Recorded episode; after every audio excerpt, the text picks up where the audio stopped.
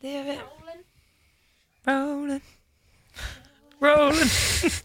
Ja, eh, dette her er forsøksvis intro til en podkast, eh, men jeg hører dere synger Tina Turner. Er det Tina Få det på. som er det? Ja. Ja.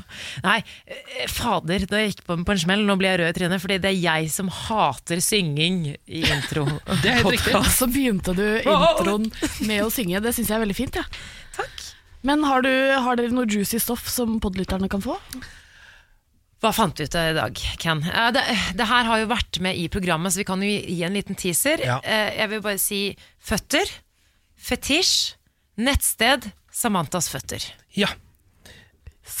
Wow! Evaluering Det- av de også. Ja. Det kan vi kalle en gavepakke. Ja. Ja. Folket Wow. har evaluert Samantas føtter. Jeg vil ikke si noe mer om det. Nei, kan bare fortelle også en liten eksklusiv historie fra barndommen min. Da jeg var liten, så gikk jeg rundt på barneskolen og sa at storesøsteren min, som da gikk i åttende eh, klasse, da jeg gikk på barneskolen, eh, at hun hadde fotfetisj, når hun da egentlig hadde fotfobi.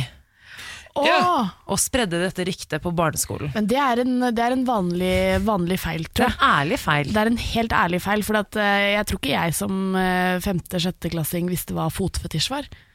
Nei. Eh, og du, hvor, hvor mange år er det mellom deg og søsteren din? Fem. Fem år, ikke sant? Du gikk i tredje klasse. Ja. Det var ikke noe sånn at eh, altså, Du droppa ikke noe bombe for tredjeklassingene der, på en måte. Nei, kanskje ikke på 90-tallet. Nei. Nei. Kanskje ikke. Men altså, der er det mm, Jeg føler jo, eller jeg tenker jo at hvis man ikke har Enten så har man fotfetisj, eller så har man litt fotfobi. Skjønner Ja. du? Fordi føtter er liksom ikke noe som er sånn jeg er helt avmålte føtter, jeg syns det er helt greit. Hvis du skjønner Enten så er man helt sånn tenne på det og har lyst til å onanere på de, eller så syns man det er litt ekkelt.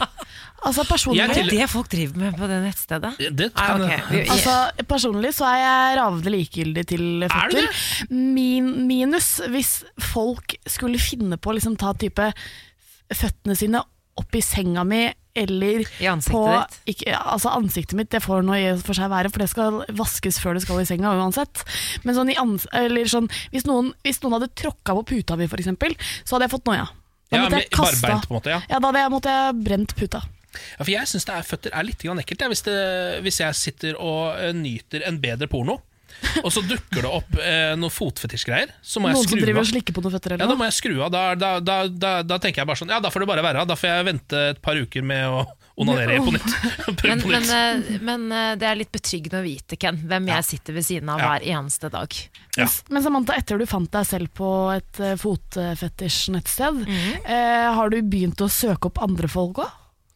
Nei, det var jo litt sånn her oppsto da det var en nyhetssak. Mhm. At uh, veldig mange kjendiskvinner, uh, andre kjendiskvinner, holdt på å si, uh, tenkte ikke at jeg var blant de, eh, har havnet på dette nettstedet. Ja. Så det var jo sånn det starta, da. Og så kom jo da en, en i redaksjonen her og sa Samantha, jaggu meg fins det bilder av deg òg. Så det er så flott. Jeg skal vise deg etterpå. Takk. Kjempegøy. Nei, skal vi bare sette i gang podkasten, eller? Ja, vi gjør det. Nå ruller den. Morgen på Radio 1. Det er fredag morgen, Samantha. Endelig! Mhm. Eller nei, det er egentlig ikke. Det er jo, altså, onsdag er jo min favorittdag. Ja, Ja. men fredag er min. Ok, ja, men da kan vi feire. ja. eh, hvordan går det med deg så langt denne morgenen? Det går veldig bra. Jeg sovet så tungt at jeg ikke visste hva jeg het. Om jeg var gutt eller jente. Eller hvilken, eh, altså, hvilket år det var. Jeg Så våkna. deilig. Men så jeg tenker bare sånn, jeg tar, jeg tar livet som kommer, jeg. Ja, Ja, hva med deg? Nei, jeg går veldig fint. Jeg er litt, kjenner at jeg er litt frossen i dag, for det er litt sånn kjølig ute. Det er kaldt. Eh, og så er det også veldig kjølig inne, eh, for det må folk vite at dette studio det har ehm, på en måte to innstillinger når det kommer til temperatur, og det er Svalbard eller finsk sauna. Det er de to man kan velge mellom. på en Enten så er det altså 45 grader pluss, eller så er det minusgrader i studio. Og I dag har vi gått for en litt sånn eh, Det var minusgrader da jeg kom, så jeg sitter fortsatt med jakka, men det er på vei opp, så det skal ordne seg. Ja, så bra. Ja. Ta på deg ull. Ja, jeg burde hatt med meg litt ull, faktisk. Em, hva med avisforsidene? Er det noe du har lyst til å trekke fram derfra i dag? Du, jeg har Fedrelandsvennen eh, foran meg. Mm. Eh, Nå det, skal det være fylkeårsmøte i eh, KrF, altså Agder KrF. Ja. Det er jo en av de største partiene, Ja. eller en av de største landsdelene. da. Der står det at de kommer til å velge blått. Ja. Så her er det jo eh, altså Kampen om regjeringen, den fortsetter. ja. Eh, det er ganske stort eh, Altså, det, Blått ligger langt foran, gjør det ikke det? Jo, men så har jo på en måte Rødt tatt litt innpå, da, så Ja. jeg vet ikke helt. Vi får jo se, da. Ja, du får gjøre det. Jeg føler at det der er en kamp Hareide er i ferd med å tape i. Altså. Ja, vi får se. Syns det virker sånn. Det, Jeg liker Hareide, ass. Ja, jeg gjør det, akkurat nå så ligger han og kaver litt i vannoverflata. Det begynner å komme litt vann i Ja, lungene er hans. sant. Litt grann bare. Ja. Um, jeg ser på Aftenposten, eh, som jo um, skriver om altså, nettroll i USA. Mm. Og da står det at de har funnet, Nå har de funnet noen amerikanske rettspapirer som da viser i detalj hvordan russiske nettroll blir instruert for å uh, fucke opp og lage kaos i USA. Ja vel. Så står det her eksempel at de får sånne um, De får liksom rene kommandoer som er sånn Beskyld CNN for en løgn. Eller fremstill McCain som en gammel knark som har mista grepet. Eller liste opp skandalen som skjedde i spesialetterforsker Müllers eh, tid som FBI-sjef. Ja. For sånne rene sånn, og så eh, sitter de der borte på, eh, på rekke og rad, de russiske nettrollene, og bare fyrer det ut. Og amerikanerne eh, Jeg syns det er litt rart at det funker. Altså, de biter på, ja. De biter ja, på ja, altså ja, noe så kraftig. Hvordan tror du Trump vant valget, da? Ja, det var jo sånn, da. Men det er litt rart at ikke folk har lært av det. Nei, det, Altså, det- det er dessverre mennesker. Og internett var kanskje ikke en god idé. Det var ikke det, altså! Nei.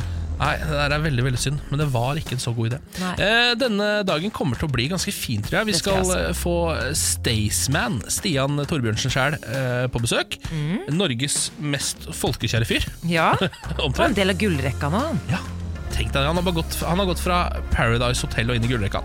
Han har stått fra å Det fins håp for oss òg. Ja, han har stått der fra å, med, altså, fra å vifte penis på TV, eh, nærmest, til å gå rett inn i hjerten til det norske folk. Det er ganske godt jobba. Men Ken, det er bare ta seg Du trenger, du trenger ikke være så sky. Det er bare å ta av seg klærne.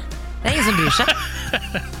Er det ingen som bryr seg, altså? Nei, det er ingen som bryr seg. Nei, Kanskje jeg skal strippe litt i dag også. Så blir det jo eh, Radio 1-million, selvfølgelig. eh, som vi setter i gang med sånn ca. ti over sju. Er bare å bli værende her på Radio 1. Velkommen og god fredag. Morgen på Radio 1. Hverdager fra seks. NIF, eh, jeg håper å si NIF, Norges idrettsforbund, gir ikke nok til breddeidretten. De er i hardt vær igjen. Eh, De fikk nylig hard kritikk fra Riksrevisjonen, som har som oppgave å kontrollere hvordan statens midler brukes. Ja. De fikk eh, kritikk for, ha, eh, for underrapporterte utgifter, eh, samt å ha brukt millioner som skulle gå til barn og unge, på lønnskostnader. Ok, ja vel. ja. Og nå er vi tilbake i den samme, samme gamle historien. Ja. Du husker kanskje den historien, Ken, om at Inge Andersen, tidligere generalsekretær i Norges Fotballforbund, han måtte gå, rett og slett. Mm. Fordi eh, det ble jo så mye styr om hvor mye penger eh, de hadde brukt på denne såkalte eh, dette First House-prosjektet, med Ja. å få Oslo til OL til Oslo i 2022, og så videre og så videre. Og nå eh, står det altså et lengre punkt om eh, rapportering og oppfølging om medlemstall i Norges idrettsforbund, fordi lederne vet rett og slett ikke hvor mange medlemmer de har. De har ikke kontroll på medlemstallet. Eh, og det er vel ikke så tillitsvekkende, egentlig, at en så stor organisasjon ikke klarer å holde orden i medlemsregisteret. Nei, Nå har de jo sikkert en del medlemmer, men det der er jo liksom Det der er jo veldig basic, føler jeg. Å ha kontroll på det. Det kan du si, og så har det mye å si på liksom, hvordan de bruker midlene. Ikke sant? Hvor, hvor mange medlemmer har de, hvor Ja. mange har de klart å rekruttere? De veit rett og slett ikke hvor mange som er medlem der. Nei, de gjør ikke det. Og de innrømmer jo at det ikke er bra, selvfølgelig. Det, vært, eh, det var jo en debatt på NRK eh, nå nylig, holdt på å si, og da var det en fotballpappa, en som heter Ståle Bjørnstad, som møtte opp mot Tom Tvetta. Han, mener jo, han tok jo et oppgjør med idrettspresidenten og forbundet, og mener at da ikke kommer nok penger fra idrettsforbundet til eh, breddeidretten. Vi kan jo høre litt lyd fra den debatten. Så jeg har jo vært da, som du sier, fotballpappa i 15 år. Jeg har stått på sidelinja, og jeg har fryst, og jeg har coacha unge jenter og unge gutter. Og jeg har aldri sett ei krone av de pengene som NF, NIF sier at de bevilger til breddeidretten. Nå overdriver du. Nei, jeg overdriver, overdriver ikke i det hele tatt. Jeg tror jo på det han sier, men eh, for å starte, det har aldri vært overført eh, mer penger noen gang enn nå til breddeidretten. I fjor så gikk det ca. 670 millioner kroner til bredden. Men faktum er at det er vi som står på sidelinja, vi ser ikke noe til de pengene. Ja. Ja, så sånn gikk den debatten. ja, men det, ehm, det er også et eller annet med når de begynner å legge fram eh, hvor mye penger de gir til breddeidretten på slutten der, og hvor mange milliarder det var og sånn, så tenker jeg bare sånn, du vet ikke hvor mange medlemmer det er i bedriften engang. Altså, er du sikker på at det er så mye penger dere gir? Kan det kanskje bare er ti kroner? Ja, det veit vet du. ikke det er litt sånn det med troverdigheten, og jeg har alltid egentlig altså, likt Tom Tøtt litt som type, altså før alt dette eksploderte, da. Ja. Eh, men men eh, det, bare, det, er så lite, ja, det er så lite troverdig. Man tror jo ikke på det han sier av at Og så er det litt som når han fotballpappaen står der, ikke sant. Ja. Han kan du ikke slå, da. Du kan ikke vinne den debatten mot Ikke når det gjelder. Nei, men Du kan nesten aldri vinne sånn Altså, du vinner ikke mot grasrota. Nei, Uansett men- hva du gjør når du står der i dressen din Ja, på uh, Folkelig som, Som, ing, ja, som, som man ikke er. som man ikke er. Nei, da, men det er klart, han har, jo ikke, det, han har jo ikke innsyn på alle tall og budsjetter og sånn, så det er jo klart. Men, men når, man den, når man ikke ser pengene, show me the money. Mm. Show me the money. Nei, vi må skjerpe oss. Eh, og noe annet som må skjerpe seg, det er norsk internett. Altså, jeg, jeg Generelt. Ja! Norsk internett, det er så ræva, det. Er det? Har du vært på norsk internett? Har du prøvd å finne noe på norsk Wikipedia noen gang? Så du kan kunne bruke det noen ting? Jeg stoler ikke på det som står på Wikipedia. Nei, det er jo én ting, men altså, Ja. hvis du går på, måte, på den internasjonale Wikipedia altså, Ja, nei, jeg mener den norske. Ja, for nå, Du- engelsk Wikipedia er dritbra. Det er, liksom, det er et skikkelig bra oppslagsverk. ja, ja, ja, ja. Eh, og nederlandsk Wikipedia, helt gull det òg. Um, Leser du på nederlandsk? Nei, men jeg bare, poenget mitt er at alle Wikipediaene er bedre enn norske. Og det gjelder for Mm. internett generelt. Altså Hvis du prøver å finne noe informasjon om en nordmann, og du tenker at dette vil jeg gjerne finne på norsk, så kan du bare glemme det. I stad så prøvde jeg å google Staysman, for han kommer hit etterpå. Og da er det sånn, Wikipedia-siden til Staysman står ikke noe om at han er på gullrekka, sånn, den slutter i 2015. den Så søt du er som googler og, og prøver research. Jeg skal researche. Staysman. Men uh, for å si det sånn, da. Når jeg googler deg, Ken Mm. Vasenius Nilsen, han er en norsk radioprogramleder. Han er for tiden programleder i Radio 1, hvor han leder morgenprogrammet sammen med Niklas Baarli og Samantha Skogran. Ja, det stemmer jo. Uh, har du vært innredigert der selv? her Nei, nei, nei, faktisk ikke, men det, det, nå burde jeg sagt ja for å underbygge mitt eget poeng. Er du født 29.1.1981? Ja, Det stemmer jo. Ja. Nei, men du er helt enig. Fordi når jeg skal jeg google filmer, eksempel, Ja. eh, der er jeg litt nerd. Der liker jeg å gå på IMDb for å se hvor mye hvor bra rating den har fått, Ja. og lese. Men jeg skal, av og til så liker jeg å lese om sånn, hvilken skuespiller var det igjen, og hvilken film var det. Den norske versjonen er liksom tre setninger. Ja. Alltid. Ja, og, det er jo på en måte, og så er det akkurat som at alle de tingene som har skjedd før, de har vi ikke fått med på internett. Så, så, altså, man kan jo uh, nerde seg helt ned på engelsk internett. på en måte. Altså, du kan lese om ting som skjedde på 80-tallet og 70-tallet, og bare gå tilbake tilbake. Men jeg er sikker på at hvis du prøver å finne noe om Casino, som var et av de mest kjente eh, programmene i Norge på 90-tallet Jeg tror ikke det er nevnt på internett engang. Skjønner du? Men det er liksom Norsk internett, det ligger brakk. Ja, Men du, har du vært med på å skrive en bok som heter 33 utrolige nordmenn? Ja, det har jeg faktisk. Nå sitter du bare og leser på fra min Wikipedia-artikkel. Ja, men det, det står alle radioprogrammene som du har vært med på, står her. Ja, men, okay. Det står åtte referanser.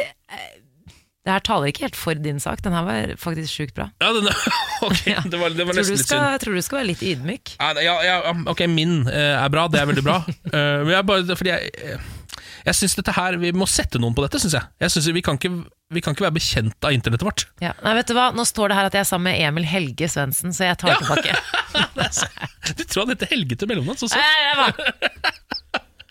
Nei, det Vi får jo rydde opp i det. Folk er veldig opptatt av sine egne Instagram-profiler, men eh, bryr seg ikke noe om eh, den norske samfunnsgoogeren. Der må folk inn og jobbe. Altså. Det er ikke noe Mm. Vits å det luke i eget bed hvis det er søppelfylling rett utafor gjerdet. Liksom. Ah, nei, det var dagens eh, harang fra meg. Det er sånne ting jeg velger å, å Det raljere går mot. fint, det. Norsk internett. Dette er morgen på Radio 1. I dag med ruslebiffen fra Moss, Ken Vasenius Nilsen og den gravide burritoen Samantha Skogran. Rusle, ruslebiffen? Å, herregud. Altså, vi må ikke la Niklas Baarli, som dessverre er syk i dag, Ja. bestemme eh, kallenavnene våre hele tiden. Nei. Du er mye bedre. Ja, takk for det. Du slipper ikke til engang. Nei, Det er jo fordi han eh, vanligvis er liksom main host i dette programmet Ja. og tar eh, ordet så ofte han kan. Ofte så slår han bare av min mikrofon, har jeg sett, for eksempel, når jeg skal komme med Han ting gjør på veldig scenen. ofte det. Mm. Det er sånn hersketeknikk, det. Det er det. Ken, jeg har blitt en søvnzombie. Ja. Vet du hva det er for noe? Øh, nei. Nei, ikke heller, egentlig. Men det er det jeg liker å tenke på når jeg tenker på hvordan jeg er når jeg sover om dagen. Jeg er så, jeg, jeg er så gravid, som du sa. Eh, og i går så forsov jeg meg, trodde jeg. Altså, jeg våkna, eh, så rundt meg og så at det var lyst, og det er jo det første tegnet på at du har forsova deg, i hvert fall i dette programmet her, Ja. fordi det er jo veldig mørkt når vi står opp. Og jeg bare, pulsen min, altså den gikk rett opp i taket. Jeg bare faen! Jeg skriker, river av meg dyna, og så skal jeg snu meg til høyre. Fordi Emil er litt sånn som han sover, kjæresten min altså.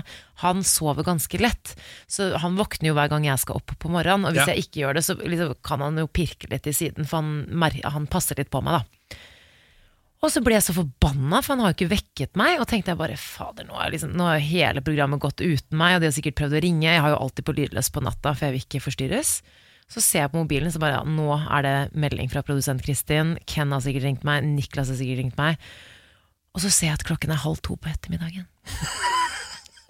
Og jeg løper ut, og så hører jeg at Emil liksom jobber oppe. Jeg tenkte bare, hva, jeg, ble så, jeg, ble, jeg var på vei til å gå opp dit og gi han Kjeft. Nørefikk. Ja. Men, eh, og til, men det, det som er så sjukt, jeg hadde sovet. Vet du hvor lenge jeg hadde sovet? I ti minutter.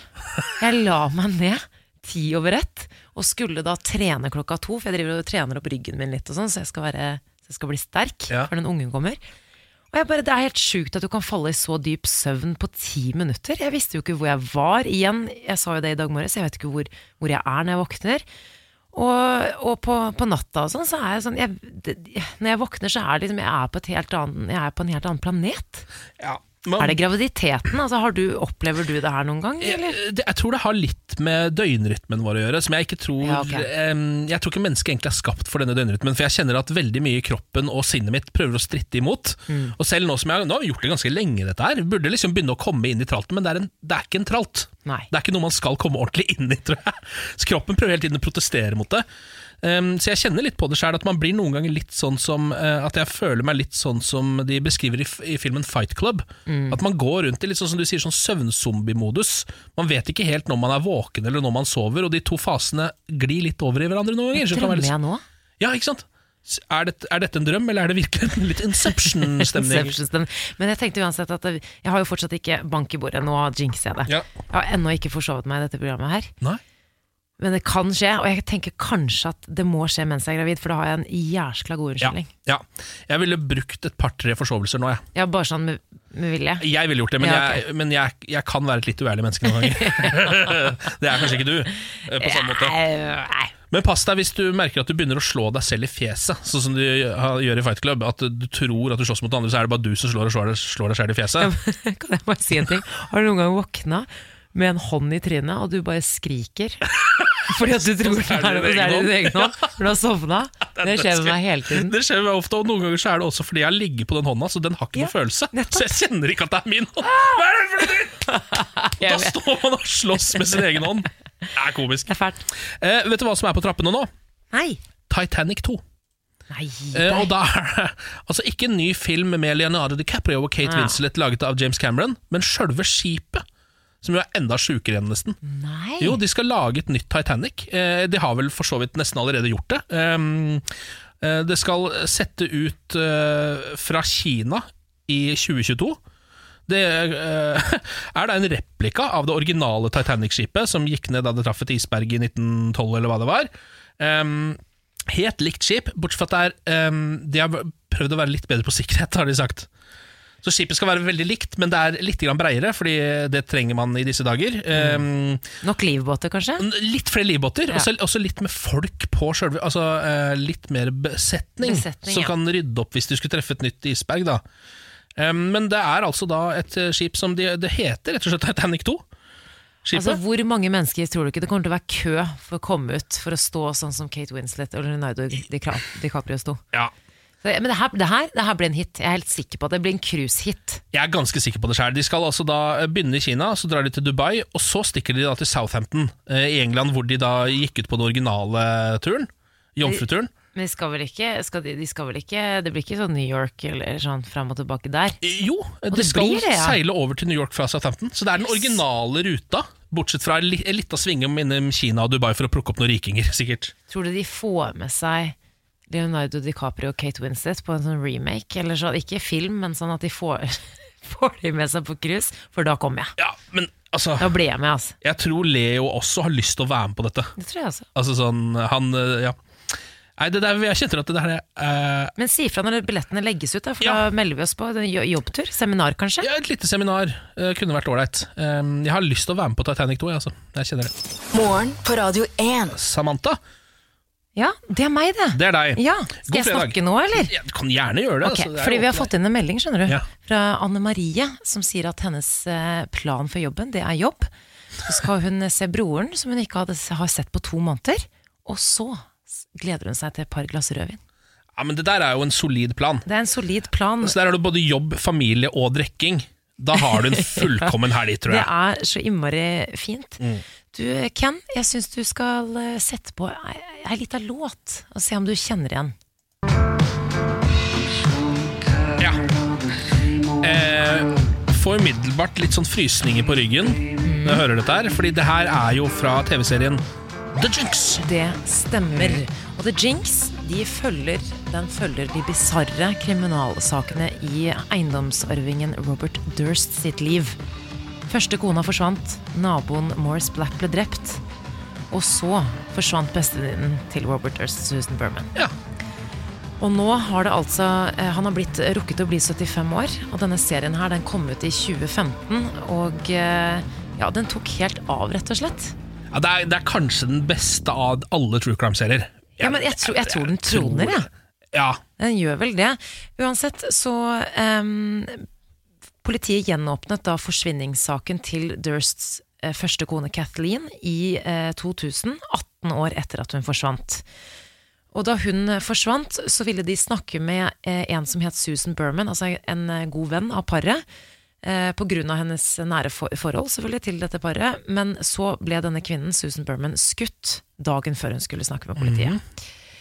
Ehm, og etter eh, dagen før siste episode av denne serien ble lagt ut i 2015, så ble Robert Durst arrestert eh, og mistenkt for drap på, på, på nettopp Berman, da, denne venninnen. Og nå er han offisielt tiltalt. Altså, Ja. han er, for de- har brukt så lang tid. De har brukt tre år på å finne nok bevis Mm.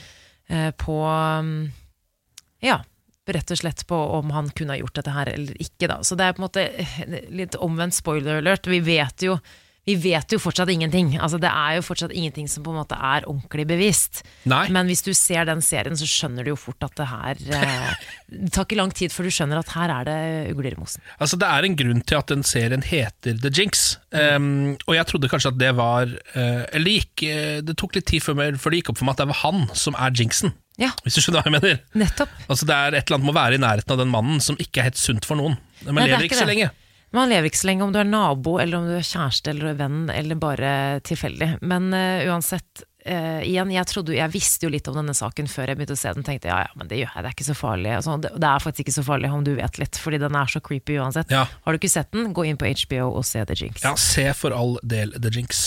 Morgen på Radio 1. Hverdager fra sex. Jeg har vurdert å begynne å trene. Uh, men det er Oi, Ken! Men det, men det er kanskje en eh, litt spesiell grunn til det. Fordi det, dette dukka opp her om dagen da jeg satt og snakka med en kompis av meg. Eh, og da hadde han eh, Da kom han med noe innsikt som jeg ikke har klart å komme til selv ennå. Okay. Han sa det at du Ken, har du tenkt på dette? Nå som vi har begynt å bli eh, litt eldre, altså vi er på en måte over 30 år gamle, mm. så får ikke vi på en måte festa så bra som vi gjorde før. Vi har ikke like bra kondis da det er sant. på festinga, ehm, og på en måte på utelivet generelt. Så han begynte å se seg lei på at vi alle begynte å dra hjem med ellevetida når vi møtes, for det er ofte sånn der, ja, vi møtes klokka sju, og så stikker alle hjem før elleve, Fordi da sitter bare folk og nesten sover ved siden av eh, de frosne margaritaene sine. På Ja. måte, for de såpass gamle har vi tydeligvis blitt. da. um, og så sa han sånn Jeg har tenkt på det at hvis vi hadde begynt å trene litt Ja. hvis vi hadde for eksempel, uh, tatt oss noen joggeturer, kanskje tatt en liten tur på gymmen Jeg og du da, si vi gjør det en gang i uka for eksempel Så hadde vi altså på fredager Så hadde vi holdt mye lengre um, Når vi skal ut og kose oss sammen Med vennene våre Eh, Og vi hadde altså hatt bedre energi på alt det der Og kunne holdt på hele natta og rangla rundt og Men sånn det er helt riktig, fordi Ja. utholdenhet det handler ikke bare om idrett og trening, det handler om livet. Å mestre livet. Ja, men, så, men da gikk det jo på en måte opp for meg at ok, så det, eh, det som nå på en måte er utslaget her, er at hvis jeg kommer til å begynne å trene, så er det for å få drikke mer. Ja, Det er jo litt trist. Det Uh, ja. men, men uansett, du, det er ditt liv. Og hvis det er Det det, er det som er problemet. Hvis det hadde vært om andre sitt liv, så hadde du brukt det mye bedre. Men her uh, må jeg bare ta tak i, i denne situasjonen med en gang. Du må være realistisk. Mm. Du kan ikke bare gjøre det alle andre gjør. Bare, nå skal jeg få meg satsmedlemskap, Nei. nå skal jeg begynne å trene sånn og sånn, jeg skal få meg en PT. Du må gjøre noe du syns er gøy. Ja, Og det kan jo bli problematisk, men det må være noe sånn type Kan du spille fotball? Ja. Kan, du, kan du gjøre et eller annet som du syns er gøy? ja det er jo, eh, jeg dreiv jo og spilte fotball og trente ganske ofte, eller sånn et par ganger i uka, mm. for ikke så lenge siden. Men det som jo skjedde, var jo at eh, altså, alle begynte å bli så gamle at det var ingen som hadde tid til det lenger. Ja. Men er du så gammel da, Ken? Du er da fader ikke så gammel. Nei, men, men med en gang folk altså, Dette kommer folk, yngre folk også til å oppdage. Med en gang eh, man får seg familie, så blir man altså så gammel. Jeg har ikke familie, men alle rundt meg har det jo. Men skal jeg bli gammel nå? Du kommer til å bli eldgammel. Altså, det kommer ikke til å være sjanse til å få med deg på noe fotball eller vindrikking vindrikking eller noe som helst. Du Må drikke vin hjemme, jeg, da? kanskje Leos lekeland, liksom. Eh, Det er det nærmeste du kommer. Jeg orker ikke det. Jeg orker ikke det. Nei, det er fremtiden din, eh, Men, men eh, la meg hjelpe deg, da. For jeg, kan, kan, vi kan ikke vi finne et prosjekt til deg? Kan ikke vi finne et treningsprosjekt? Jo, Jeg skal ikke være hun irriterende dama eh, som står og liksom bjeffer i bakgrunnen. Men eh, dette her har jeg slik trua på. Hvis du har lyst til å holde ut hele natten på fest, Ja, da skal jeg hjelpe deg. Ja, Det er veldig godt. Ja. Jeg kjenner at eh, altså, det blir en lysere framtid nå. Ja, det blir det. Mm. Sokker i sandaler, heit eller teit, Ken?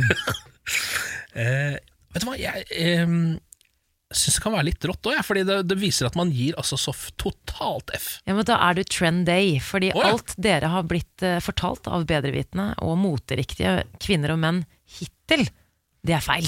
Ja, I hvert fall hvis vi skal tro siste skrik eh, fra en motespalte i selveste GQ, som er da livsstilsmagasin for eh, menn. Det er vel en slags motebibel for menn. Ja. Slags Vogue. Ja.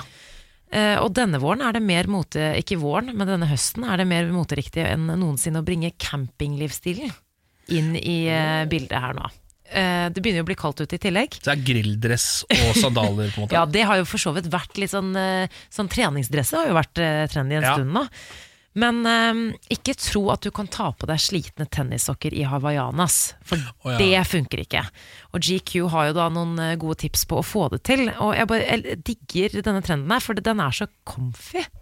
Ja. Man trenger varme, men stilige sokker. Altså Du trenger skikkelig myke kosesokker. Gjerne med litt sånn animal print eller noe annet mønster. Eh, som en slags sånn kosegenser for føttene dine. ja. Har du lagt merke til at jeg snakker veldig mye om føtter de to siste dagene? Du er helt sykt opptatt av føtter. Jeg kom på det nå! Jeg beklager, men jeg er opptatt av føttene dine, Ken. Når det gjelder Ja, men det er ikke noe, jeg, jeg klarer ikke å la det bare liksom Jeg klarer ikke helt å bare la det være, da. Nei. For det er Jeg kom på det nå, Hvis det er for eksempel én kroppsdel altså Skal jeg begynne å snakke om en av dine kroppsdeler? Sånn veldig, veldig mye. Ja, eh, la, det bli, la det bli føttene. Ja. Vi skal over til skotøyet, Ken. Få deg noen skikkelig myke kosesokker. Det er det GQ skriver her nå. Skotøyet. Så ber GQ deg om å holde deg unna de klassiske sandalene som du har hjemme fra sommeren og sånn. Eh, har du et par Birkenstocks, for eksempel? ja, jeg har det. Ja, du har det. For hvis du har eh, varme nok sokker, så kan du stappe de Ta de på føttene, og så stappe de i et par Birkenstocks. Så er du faktisk supertrendy. Ah, det eneste som er litt kjipt, er at jeg har sånn Birkenstock med sånn um, Sånn tå hva, hva kaller man det? Skjønner du hva jeg mener? Det her har med føtter å gjøre, men det er, det er sånn hvor du må dytte stortåa inn på én side av sånn strikk. Jeg skjønner ikke hvordan jeg skal forklare det. Det er som, Kan ikke, er vanlig sånn Kan ikke du bare ta bilde av det senere og sende det til meg litt senere? Ja. Så kan jeg godkjenne om det er eh, Ja. inn. Hvis ikke så er tøfler også inn om dagen. Så du kan også ta på deg et par Ja ja, men nå før snø kommer, da. Så bare ta på deg et par tøfler, så er det kult. Ute i tøfler. Ja, men nå, jo, men Nå det er begynner du å gå tom for ideer. Nei, men det er mange av motehusene som lager trendy tøfler. Det er bare å gå Ta deg en tur inn på Gucci nå før du skal til Manchester, så kan du få deg et par kule sandaler. det hele poenget med tøfler er jo at det er innendørssko. Ja. så du skal jo ikke bruke det utendørs. Men du, du kan, altså, hvis, hvis du har en mening, og GQ har en mening, så hører jeg på GQ. Jeg beklager, Ken. Ja, men Det høres ut som det begynner å klikke for de der borte nå. Ja, ok. Eh, ja, men det er ålreit. Da veit vi det. Så sokker i sandaler er faktisk tilbake igjen. Mm. Men vær litt forsiktig. Det er ikke bare å pælme på seg hva som helst heller. Dette er morgen på Radio 1. Med Ken og Samantha i dag. Og så har jo faktisk Stian også kommet. Staysman, god morgen. Jo, god morgen. Så hyggelig at du kunne komme nå, Fordi akkurat nå så skal vi jo eh, se om vi klarer å dele ut en million kroner. Å, det er rått til Ja, meg? Ja, nei, du kan ikke vinne. Eh, Du kan ikke vinne. Ok, det var kjipt. Ja, det er, li- det er selvfølgelig litt kjipt, men uh, eh, Noen andre kan, og det er hyggelig. Du er jo såpass raus at du liker at andre blir millionærer også. Ja, ja? Eh, Vi har med oss Marte på telefon. God morgen, Marte. God morgen. Hvor er det du ringer fra? Jeg ringer fra Oslo nå. Ja? Er det der du bor, eller? Jeg bor eh, på Ås. Ja. Du bor på Ås, ja. Der spiller jeg konsert Ja. i kveld. ja Staysman spiller konsert der i kveld, faktisk. Ja, på uka, Ja, sikkert. Du har fått med deg det? Ja, ja, har det. Ja, Så hyggelig, ja, gitt. Men du kommer ikke i kveld, eller? Hei, jo, jeg tenkte å ta meg en tur, ja. Ja, Så hyggelig, ja, gitt. Da ses vi. Du, du er Ja, det er ikke vi. fra Ås eller Oslo, holdt på å si. Nei da, jeg er fra Fosenhalvøya, rett over Trondheimsfjorden for Trondheim. Ah, der er det fint. Hvorfor har du flytta, ja, flytta østover, da? Hva er det du gjør her? Eh, Jeg arbeider på et fylketrykkeri i Oslo som eh, mannen min eier. Å ja. Hva, hva, Ja. hva trykker dere der, da? Da trykker vi profil, altså eh, logoer til bedrifter og sånn, på diverse profilprodukter, da, som krus og flasker og T-skjorter og diverse. Kanskje det er dere som har trykka Radio 1 på Radio 1-koppene våre? Eh, nei, ikke som jeg kommer på i hvert fall, men eh, vi har trykt til mange andre radiokanaler. Ok, bra. Nå skal vi være med på å prøve å vinne en million, Marte. Hva har du lyst til å bruke penger på hvis du vinner? Eh, først må vi jo betale ned litt lån, da. Ja. Vi har jo bil og hus og litt forskjellig.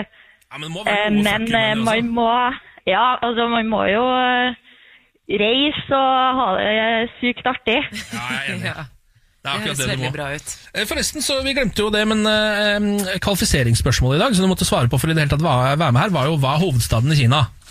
Det er jo Beijing. Ja, det er helt riktig. Skal vi Ja. rett og slett sette i gang, da, eller? Det er vi.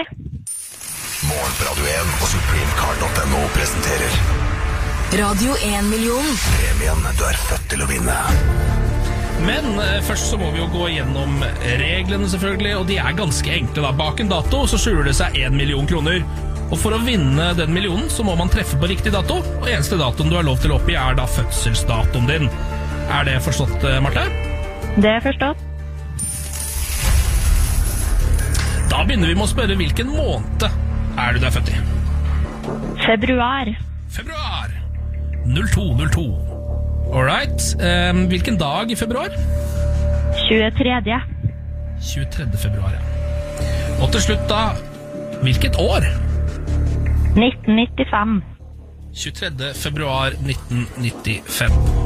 Ja.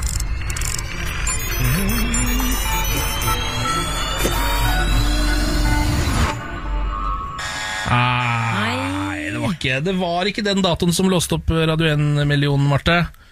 Ja, det har vært et forsøk. Det er det Kan jeg komme med trøstepremie? Ja, har du Hvis du trøstepremie? kommer på konserten i kveld, Marte, ta med deg Carlen, og så kan du komme backstage, så tar vi en pils der.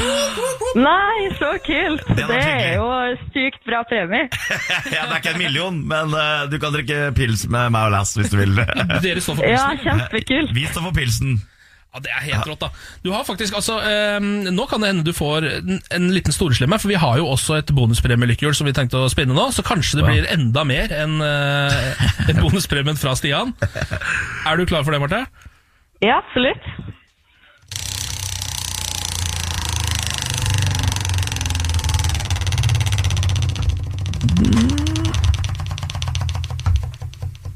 Ja, det ble en tusenlapp, da. Ja, det gjør det. Ja, En liten tusenlapp fra supremecard.no. Kult! Det er ikke verst, det. Da får du altså eh, pils med Staysman og Lass og 1000 kroner. det, er, Det, det er jo helt formidabelt. det kaller jeg fredag. Det er jeg jo kjempefornøyd med. Ja, altså, selvfølgelig, Du får jo Radio, eh, får jo Radio 1-koppen også. Eh, Hva Har du lyst til at det skal stå på den, eller har du lyst til å printe den selv hjemme, hos, hjemme hos, eh, på trykkeriet deres? Nei, jeg kan jo i hvert fall ta Radio 1-logoen. Ja, den er Det der var det. Du kan få Ja, navnet den på. var det, ja. Ja. Ja, Eh, ja du kan jo ha på Marte, da. Ja, Da kjører vi Marte. Vi kjører en Marte-kopp, vi. Vi gjør det. Vet du hva, Da eh, får du og Staysman snakkes seinere i dag, da. Ja da, vi tar kontakt sikkert. Det er Ja, sikkert ja, noen som vi har kontakt fikser det. Det er sikkert noen som ordner det der. Ja, ja, ja, det fikser vi. Marte, god helg. Like måte. Ha det bra. Ses i kveld. Ha det. Det gjør vi. Ha det bra. Ha det. Morgen på Radio 1 og supremecard.no presenterer Radio 1-million. premien du er født til å vinne. For din mulighet til å låse opp millionen, lytt hver morgen 10 over 7. Radio 1 er dagens største hits. Og én million kroner hver morgen. Radio 1. Morgen på Radio 1. Og Samantha, vi har jo fått inn vår gjesteprogramleder. Ja. Stian, Ja. god morgen, da. Jo, god morgen. Deilig å være her. Jeg har fått uh, Farris og kaffe. Ja. Da er jeg fornøyd. Ja, Det er det man trenger på morgenkvisten. Det er helt riktig. Jeg, jeg er jo et utprega B-menneske, så det her er veldig tidlig for meg. Ja, det, Du er det, ja. Ja. Er det sånn at du egentlig ikke har gått og lagt deg ennå? Hvis du skjønner? Nei, jeg har ikke sovet i en time, kanskje. Ja, ikke men, det, men det er ikke noe med B-menneske å gjøre. Det er noe med svak for uh, gode nachspiel-øre. Ja, for du havna en tur, lita tur utpå i går. Lita tur ja. Ja, men sånn skal det være. Ja. Um, I hvert fall for en som har opplevd litt suksess i det siste. Du må jo ut og feire litt. Grann.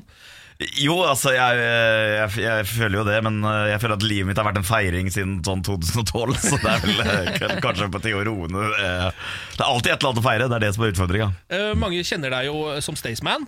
Eh, Stian Torbjørnsen er jo ditt fulle navn. Det er kanskje ikke alle som veit det engang, fordi det som Staysman sitter så godt i folkedypet. Ja, det er jeg veldig glad for at det gjør, men jeg har vært mye annet òg, da. Paradise-Stian, Robinson-Stian, Skal vi danse-Stian, Farmen-Stian. ja. Har du vært på Farmen også? Ja, Farmen kjendis. eh, Ja, Farmen kjendis, ja. Ja, ikke sant. ikke. Jeg, jeg søkte først på den eh, originale, men jeg fikk ikke lov til å være med på. Nei. Så ble jeg liksom losa over til eh, Farmen kjendis. Og så har du jo nå da altså gått rett inn i gullrekka. Ja. Eh, fordi For tiden så er det jo å se på fredagskvelden på NRK. Eh, Ti på topp heter programmet du er programleder for. Mm. Gratulerer. Tusen hjertelig. Er det litt sånn drøm, dream come through? Ja, altså, definitivt. Altså, før jeg begynte å spille konserter hver fredag og lørdag, for noen tiår tilbake, så satt jeg alltid og vorsa med Helt alene. Eh, ti pils, og med Ivar Dyrhaug og Jon Almaas og Skavlan. Kanskje litt trist, men eh, det var det som var vennene mine. så jeg satt Og fortsatt, Og da tenkte jeg sånn at kanskje en dag så skal jeg stå i en eller annen av de spottene, men det var sånn surrealistisk sånn fantasitanke. Så jeg har fortsatt ikke gått helt off med at jeg brått da Brått så står jeg, samme, står jeg i spotten på Gullrekka. Kanskje det er en annen ensom mann der ute som Sitter og får. Ja, til meg. Og det, det er han du tenker på? Ja, det er du bare, han jeg 'Jeg ser deg, kompis. Jeg ser Ja, deg. ja, jeg Men eh, Ti på topp, hva er konseptet egentlig? Konseptet er jo at det er jo en uh, musikkquiz uh, slash talkshow. Vi tar jo med Vi har med oss uh, fire kjendisgjester som vi drar med tilbake til et bestemt år. Og, og så mimrer vi litt, og så går vi gjennom de ti mest populære låtene fra det året. Ja. Og i den sammenheng så har jo jeg tatt med litt uh, quizing til dere også. Ikke- Så, jeg har jo da eh, fulgt egentlig litt av den samme malen. Jeg har gått tilbake til eh, året hvor dere ble født, da. ja. Så, så vi skal først starte med deg, Ken. For vi skal hente ut noen låter Ja, fra det året du ble født. ja, det er jo 1981. Januar 1981 er jeg født. Ja, kan vi se, kanskje det, Er det riktig, da? Jo, det er riktig. Ja. Ja, det er, det er, sånn, det er, sånn. Det er veldig bra. Ja, ja, Sånn Ok, da Hvordan er det vi spiller dette spillet nå? Jo, at vi, vi spiller av en låt, Ja. og du skal gjette hvilken låt det er. Det er såpass, ja. Ja Ok, skal, skal vi Så det er, det er ikke så veldig vanskelig. Okay. Det, er, det, lettest, det, er, det er starten av programmet. Det er sånn Ti på topp på fredagskvelden. Der er starten, Ja. hvor vi gjør det litt enkelt. Ja, ok, ok Ja, Ehm, Så da skal jeg rett og slett under lupen. Skal vi bare kjøre i gang, eller? ja, ja kjør på. Jeg liker Zappa, men Zappa liker sikkert ikke meg. Ja, det her er en klassiker. Det Ja, det er klassiker. det her er jo 'Livet er for kjipt' Ja, er- eh, av Lars Kilevold. Ja, det er helt riktig! Det er poeng til, til Ken. Det er bra jobba. Husker han, etter, fordi han lagde låta 'Livet er for kjipt', så fikk han jo resten av livet sitt et kallenavn som var Kjipe-Lars. Ja. Det er, det er kjipt. Det er litt. Kjedelig kallenavn. navn gå- Men han er ikke så kjip, han er veldig koselig. Jeg har covra låta her. Jeg Ja, har gitt har den ut ja. med Staysman i 2011. Vil du si at din versjon er bedre enn originalen? Eh, nei, faktisk ikke.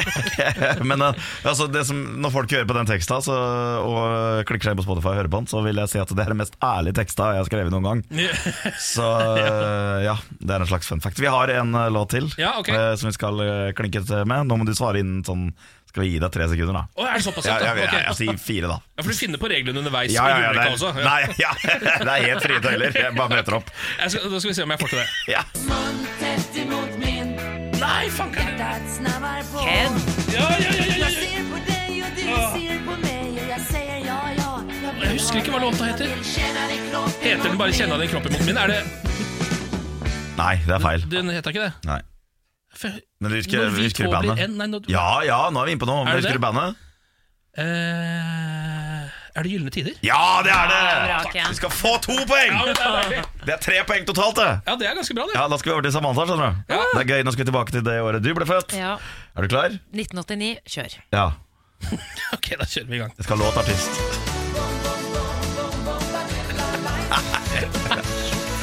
ja, ja, ja. For en låt! Jeg føler jo at tittelen på låta Den avslørte seg litt selv, Ja. kanskje. Eh, er det Life? Eh, nei, Bom, bom. Husk at jeg i 1989 så befant jeg meg i California, så den her har ikke Ja, Mest sannsynlig ikke. Var den populær i USA? Det tviler jeg veldig på. For da har jeg ikke hørt den som nyfødt heller, tror jeg. Jeg har hørt sangen, altså. Jeg har det Ja. eh, i senere tider. Og den heter Men da? eh, jeg vet ikke. De sa det fire ganger. Ja, altså Bom Bom? Life? Nei, jeg kan ikke godkjenne. Bom, bom, bom Faen, Så ikke jeg driter meg ut. Så det er Bombadilla Life heter den. Ja, jeg sa Bombadilla, men Ja. okay, greit, Jeg vet ikke hva halvt poeng, da. Men hva heter bandet? Å, halvt poeng aner ikke. Nei. The Coco Boys. Godt gjetta, men det er Franklin. Ah, Yes. Så du har da et halvt poeng ah, mot jeg føler eh, jeg har gått, g- gått glipp av mye der. Føler jeg vil ikke vite hva den sangen er etter. Perfekte nachspiel, eh, det her. Men vi har en låt til, okay. og da skal du, du kan få muligheten til å få to og et halvt poeng, for da Ja. kan du utligne Ja. med Ken. Er du klar? Klar? Greit, kjør. Think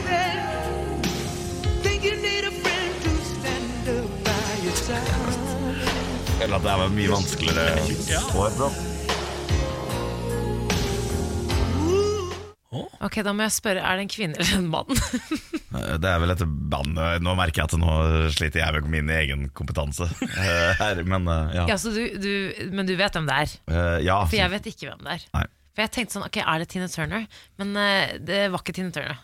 Nei, det er jo en uh, Vi skal til uh, Bond-verden her. Som, uh, det er Gladys Knight. Oh, det er Gladys Knight! Mm. Det er, er ikke det tanta til Whitney Houston, da? Jo, jeg lurer på om Jo, det er noe sånt men nå. kan jeg få ekstrapoeng for sånn type fakta? Ja, ja. Det vil si at du fikk, du fikk faktisk to og et halvt ekstra poeng. Så det er, det, er, det, er, det likt! Det er 3-3! Det ble uavgjort, da. Ja, det ble uavgjort. Jeg liker det lille ekstra Lille poenget jeg fikk ekstra. Jeg vant, Ken! Du vant ikke, det ble uavgjort. Ok, da. Ah, det var- jeg var litt Det var deilig, det. Ja, det var nydelig. Det var bra start på dagen. Det, det ga sikkert veldig mening for dem som da skal følge med på Ti på topp i kveld. Jeg har det blitt uh, slippe løs. Man eh, kjenner jo at det er et helstøpt konsept. Ja, ja. satt i gang. Tror du, altså Blir det en liten uh, gullrekka-tattis, eller? Du liker jo å tatovere ting fra, fra livet på kroppen. Jo, det er helt riktig. Eh, Jeg vurderer, altså, men det er liksom så skummelt med sånne TV-ting. For det er sånn der, eh, Nå gikk jo premiera veldig bra, da. Fikk Ja. jo 700 000 seere. ikke sant? Ja. Så da, da begynner det å nærme seg tattis. Ja. Det er så skummelt å tatovere ti på topp-logoen før de greiene her går på skjermen. da Og så blir det liksom tatt av etter ett program. For det var bare Ja ja, Stian, det var jo båndrekord. Det er 11 000 så premiera på, i gullrekka på NRK klokka åtte. Men nå ble det jo 700 000 da på første sending. Ja, ikke sant? Hvis vi klarer å følge opp det nå, da begynner det å lukte tattis. Er, du, er du litt overraska over at du har blitt så forbaska populær? Ja, det er Altså, jeg, jeg, jeg, jeg tror jo at jeg er eh, Jeg tror egentlig at alt er kødd. Så jeg tror bare at det, snart eh, så kommer det inn et kamerateam og bare eh, spoiler det faktum at jeg har vært med i sånn slags Truman-show Ja. Så det, vært- det er Mats Hansen som har kødda med meg siden 2012. Så det er, haha, livet ditt har bare vært tull. Altså Alt du har oppnådd, det har du ikke egentlig gjort. Det har vi skapt for deg. Nei, men nå syns jeg ikke du skal snakke deg selv ned, Fordi det 700 000 det er jæskla bra. Og jeg tror ikke det er kødd, altså. Nei, vi får, vi får håpe at det ikke er det. For det, det er veldig, altså, men så samtidig så hadde jeg blitt litt sånn beæra hvis det hadde vært kødd, for da er det noen som har jobba grisehardt. Ja. Sånn sendt meg til Mexico, Robinson på kødd. Så da, da er jo kanskje det greit. Det er masse andre folk som henger rundt deg. Det er, Ja, og som fortalt meg at Jan Thomas er kjendis, da. Ja. Eh, og så kanskje han ikke er det, for Ja. han er en fiktiv er karakter fra mitt univers. Er. Nei, herregud! Så Jeg syns du skal ta tatovering. Altså, det er jo livet. Det er på en måte Uansett om det går bra eller ikke nå, så det er, er ikke det livet, da? Jo, du det har er sant, tatovert Ja. alt annet. Så. ja, og jeg tenker også sånn Hvis du bare en gang har vært på gullrekka, trenger ikke å gå bra engang. Du har det for evig. Altså, det, det er noe du kan ta med deg for evig. At du har faktisk vært programleder på gullrekka. Liksom. Ja, det er ganske sjukt. Det er ganske rått, det, altså. Det er rått. Eh, Du blir jo her eh, sammen med oss litt framover, du Stian. Du skal ta og sjekke litt lokalstoff også snart. Det er vel Fredrikstad Blad for deg, sikkert? da Det stemmer. Dette er morgen på Radio 1. Eh, nå litt lokalstoff. Eh, Denne uka her Stian, så følger vi Svalbardposten. Vi pleier da å plukke ut en lokalavis som vi følger hver eneste dag gjennom uka. Ja, så hyggelig. For å liksom se litt hvordan, hva som skjer rundt omkring i Norge. da Ehm, Svalbardposten er jo eh, verdens nordligste avis. Og vi har vært innom en del Det er litt sånn det er litt sånn rart sted, Fordi vi får litt sånn Litt western-følelse av det. Litt sånn eh, Wild West Texas-følelse. Fordi de har på en måte Sysselmannen som er en slags sheriff, og så har folk lov til å gå med våpen.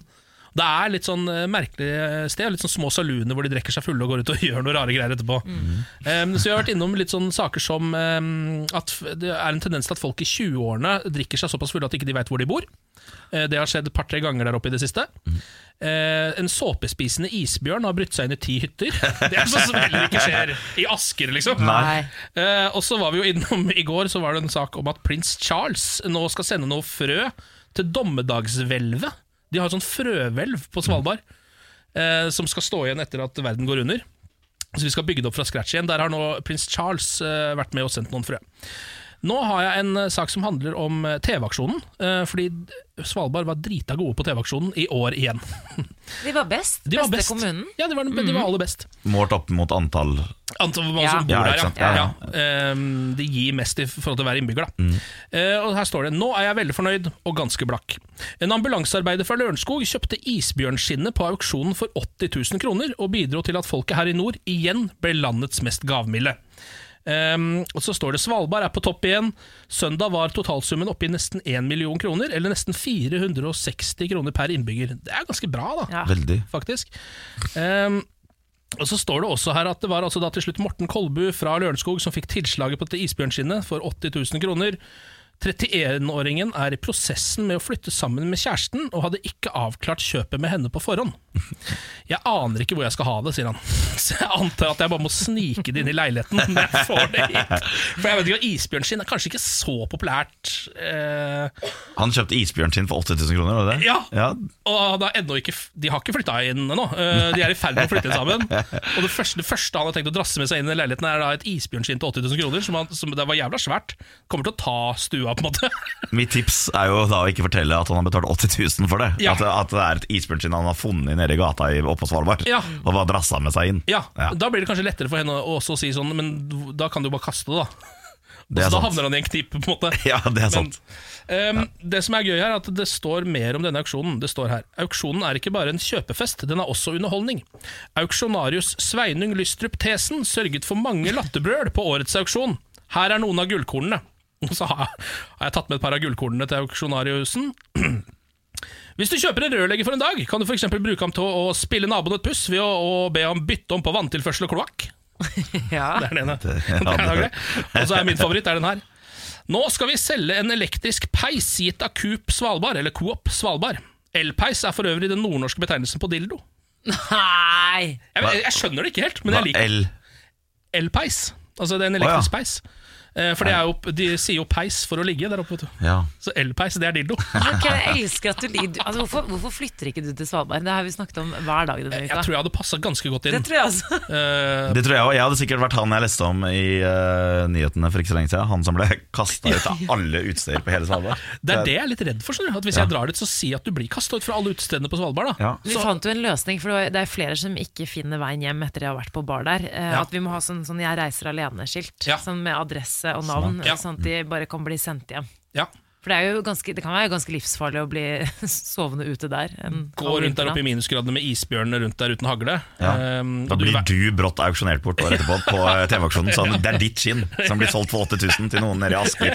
Det kan du- Så blir det liggende i gangen der. Jeg har egentlig blitt stolt hvis noen vil ha menneskehuden min for 80 000 kroner. Altså, det greit. Ja, det, ja. Jeg tror, jeg tror den er varm og lun og god, ja. Ja, det er den. Ja. Det er den absolutt. Jeg er alltid varm. Litt for varm. Ja. Stian, du er også med en lokalavis. ja.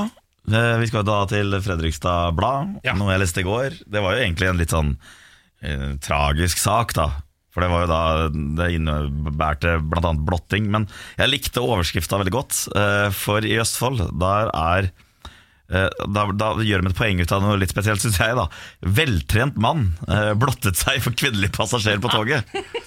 Og det, og det er liksom sånn i, I Østfold, ja, vi blotter oss, men vi er veltrente når vi gjør det.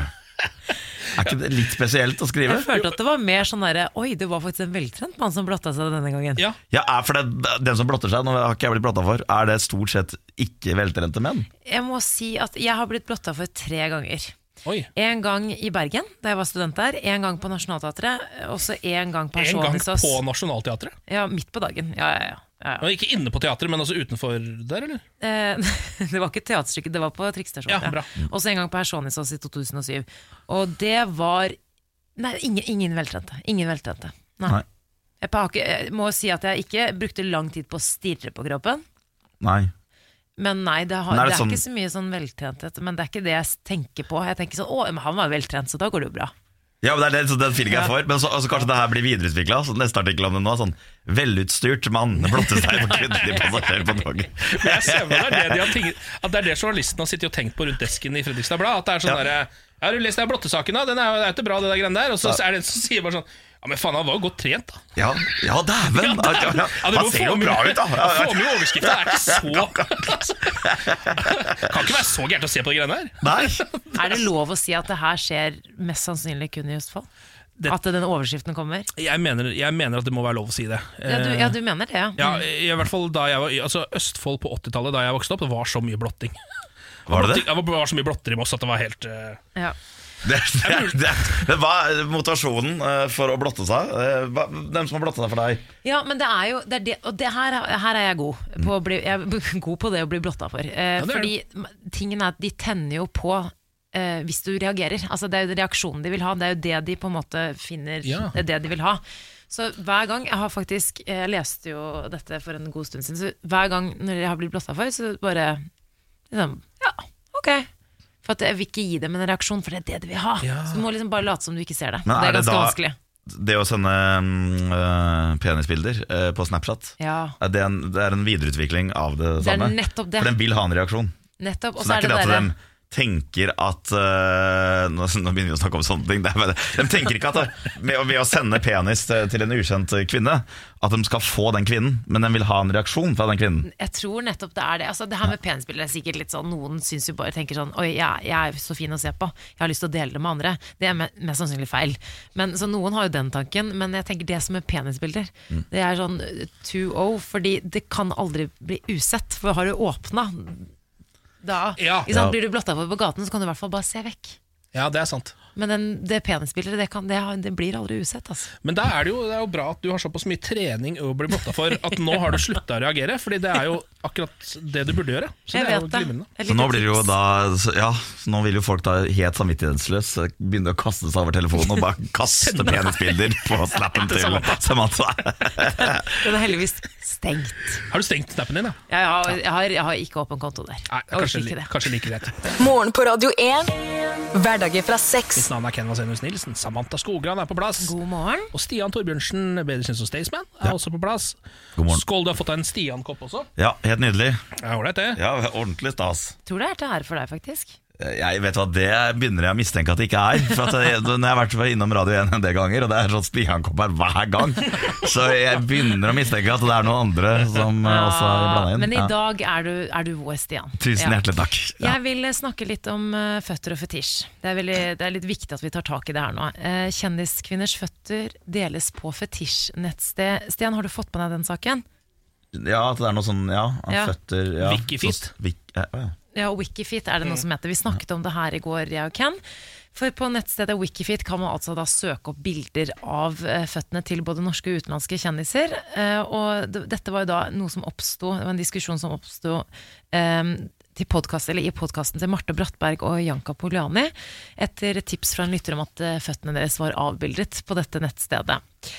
Um, og det har seg slik at eh, etter vi snakket om dette, så fikk jeg tips om at mine føtter også er avbildet på dette nettstedet her. Du er på Wikifit? Jeg er på Wikifit. Eh, og på dette nettstedet kan man altså gi stemmer til, eh, til føttene, på i en skala fra beautiful til ugly. Ja. Um, og vi drev og snakket litt i går om hvilken kategori uh, vi hadde havnet i om vi hadde vært på dette nettstedet. Og nå har jeg uh, ja, Vil dere ha dommen? Det fins altså tre Ja. bilder av eh, mine føtter, eller det er egentlig bilder av meg, da. Eh, men føttene mine er jo også avbildet på disse bildene. Jeg Kan du beskrive fått- bildene? Bare er det ja, Det ene bildet er fra en elfest for eh, to-tre år siden. Da har jeg på meg sånne strappy sandals, som man kaller det. Ja. Eh, I et annet bilde så står jeg da med fire venninner, og da har jeg på meg også sandaler. Og så er det tredje bildet, og der røk jeg på en smell. Eh, for det er kun bilde av eh, føttene mine. Ja. For jeg da har eh, beina på bordet på, på hyttebordet til svigers i Trøndelag. Det var dumt. Jeg har altså fått fem stemmer. Én beautiful, to nice, Null OK, one bad og én på ugly. Det er, ikke- altså, det er veldig spredte anmeldelser. Jeg, hvis jeg hadde fått de for eh, noe jeg hadde laget, f.eks., Ja. si det var en film eller en låt, da, eh, så hadde jeg ikke blitt veldig fornøyd. Nei. Det er ikke, det er ikke drita gode anmeldelser, Jeg det har, der, liksom, Samantha. jeg har tre og en halv stjerne av fem stjerner. Men Kan jeg se nærmere på det ene bildet? Hvilket bilde vil du se på? Der vi ser mest av føttene dine. Sånn, ja. Der. Som fotfetisjmann. Eh, Nei, er det det? Ikke gjør det! Ikke se!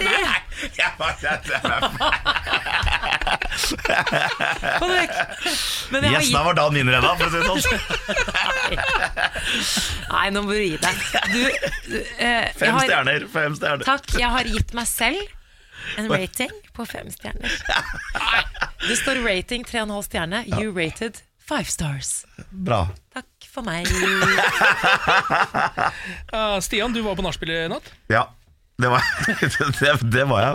Um, altså, jeg vil, jeg vil vel ikke nødvendigvis uh, kalle det et uh, sånn nachspiel. Altså, det var mer sånn Vi var ute på et utested, og så dro vi uh, hjem til en kollega, og så satt vi der og skravla. Ja. det blir vel kanskje et slags nach, da. Men mer sånn koselig, hygge, hyggete. Ja, Men det var liksom ikke den type nachspiel hvor man ligger igjen på gulvet til dagen etter. på en måte Nei, det var ikke sånn. Nei. Det var mer hyggelig. Ja. Men det ble veldig sent.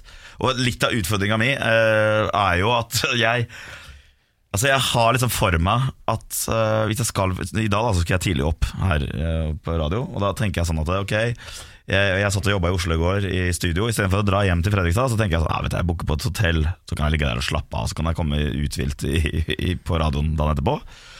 Kvart over ti i går kveld så bestemte jeg meg for at nei, vet du hva, vi går ut vi og tar noen øl. Ja. Og det skjer hver gang. Og det jeg lurer på er jo altså, Hvordan skal jeg lære altså, nå, nå pusher jeg snart 40, liksom. Hvordan i all verdens land og rike skal jeg liksom Kom gjerne med noe innspill, for, jeg, for, jeg, for, jeg, for, jeg, sliter så sinnssykt med selvbeherskelsen, og jeg skjønner ikke hvorfor. Nei. Jeg klarer meg. Jeg ligger og ser på TV, slapper av, tar en cola fra minibaren, og liksom Det går så fint, og så bare blir jeg rastløs. Og så våkner liksom sirkushesten, sikkert, og så drar jeg ut for å ta noe øl klokka kort over ti. Jeg vet jo utfallet, selv om jeg prøver å fortelle meg selv at ja, jeg blir bare et par øl. Jeg er jo tilbake igjen på hotellet til klokka tolv. Det vet jeg jo ikke skjer. Ja. Når gang etter gang etter gang går på den samme smellen. Ja, mitt beste tips er å legge det til tidligere på dagen. For jeg tror ikke selve alkoholproblemet ditt tror jeg ikke du får gjort noe med. Nei, nei, nei det er et godt tips. Med det første. Ja, ja. Eh, Men hvis du begynner å eh, drikke litt tidligere, Ja. for du begynner jo klokka ti altså det er jo, Da blir det jo halv fem på natta, da. På en måte. Ja. Altså, da blir det seint. Hvis Ja, du for det er da kosen kommer. Ikke sant? Det kommer jo ikke før senere uansett. Så derfor så hvis du begynner i, Si du begynner i tredraget isteden, da. Godt Så når klokka er åtte, så er du sikkert lei. Da går du hjem. Legger deg litt. Ja, så blir du sulten, ikke sant? så bare fader, en uh, Mækkern-burger foran TV-en nå, det Ja. frister. Ja. Men, uh, Ja, men jeg har dårlig erfaring med det også. Ja. For det som skjer da, er at jeg, jeg drar på dagsfylla, spiser mat, går og legger meg, våkner ti. Og da har jeg lyst på Da er det samme fristelsen igjen. sånn-. Ja, for da, da er det utpå igjen. Del Og da blir det to ganger uh, på én dag. Det er dumt. Ja. Men, men jeg må jo bare få lov til å si at eh, sånn som du beskrev det nachet, så Ja. var det jo ikke hæla i taket. Det virker som du har en viss eh, form for selvbeherskelse. Og du sitter jo her og er eh, tilsynelatende trivelig. Så det, Ja. det går jo bra. Ja, det, ja.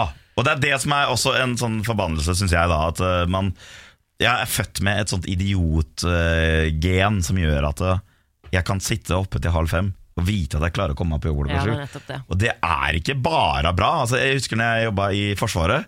Så var vi, når vi var hjemme i Norge, da så hadde jeg en periode på Rena hvor vi var Seriøst, jeg var ute hver dag. Et år.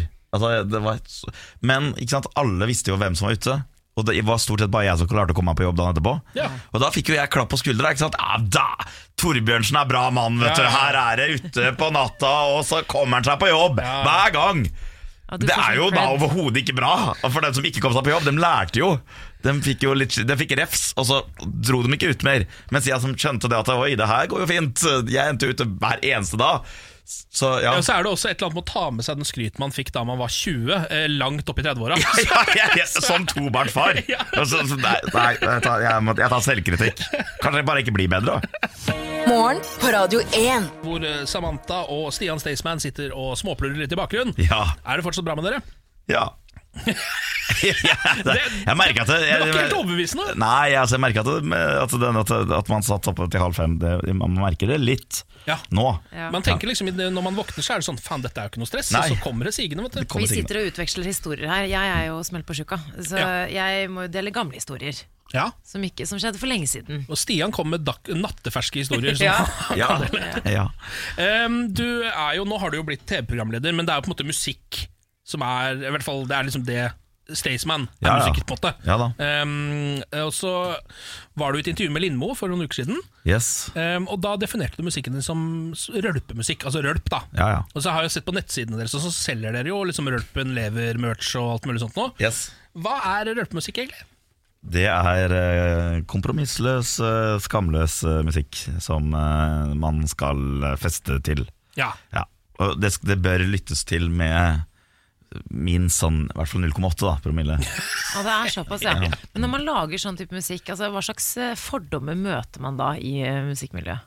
Eh, egentlig ganske mye, men jeg, jeg har møtt eh, Altså, jeg tror det var Altså Det vi har drevet med siden 2007, Når vi begynte liksom å satse ordentlig, da, så holdt vi på i fem år.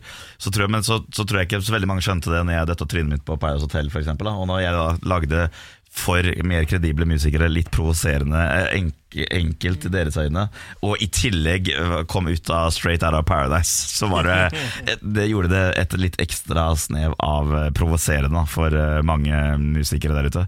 Jeg syns jo det er ganske gøy, for at Altså, jeg prøver jo liksom Jeg nerder jo på å få altså, rølpelå- på rølpelåtene mine. Så yes, det er jo eh, altså, til en viss grad da, en litt omfattende prosess, og det å lage det For det er en kunst å lage enkle låter også. Det har jeg opplevd flere ganger. En godstekt pizza som, vi, satt, som er så enkel i uttrykket at du kan få det, men allikevel satt vi liksom og nerda på det, for jeg var så redd for at vi, hadde, vi skulle overtenke det. Og da blir det jo på en måte en overtenking Ja, ja. i seg sjøl. Så jeg, jeg møter, men så jeg møter jo mm, en del eh, fordommer. Det har roa seg litt med åra. For nå er det liksom, det har vært noe, så masse sånn ja, Russemusikk har fått mye kjeft de siste åra. Ja. Og da har liksom det gått utover dem istedenfor Staysman og Lass, Ja. som var litt mer kontroversielle for litt. Ja, De har på en måte tatt over den eh, lasten eh, der. Men jeg bare tenker Ja. sånn Du tar jo på en måte de kampene der. Ja. Innimellom, iallfall. Ja da. Det er veldig mange andre som får mye kjeft for musikken sin av eh, de såkalt kredible, Mm. som egentlig holder litt kjeft og gjemmer seg litt borti hjørnet, men det gjør jo ikke du. Nei. Så du har jo vært i noen litt sånn krangler og sånne ting. Er det, er det fordi Altså, Vil du gjerne ha terningkast seks, liksom? Eller hva, hva tenker du om det der? Altså, teknisk sett, Jeg vil jo at musikken min skal få terningkast én Ja. over hele linja.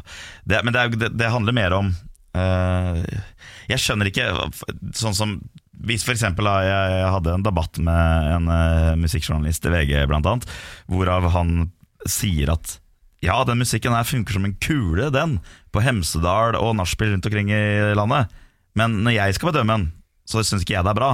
Eh, Men når han har skjønt at når, når det vi prøver å nå ut til, er Hemsedal Ja. og nach og, og fester rundt omkring i landet, og han skjønner at det funker som en kule så på de stedene, så har han jo skjønt essensen i hva vi driver med. Ja, det bør være en kriterium. Ja, At de må anmelde det ut ifra premisset liksom, til musikken, er det du tenker? Ja. Men, eh, men så har jeg liksom kanskje liksom snudd mer på det nå de siste åra. Tenker sånn at ok, da.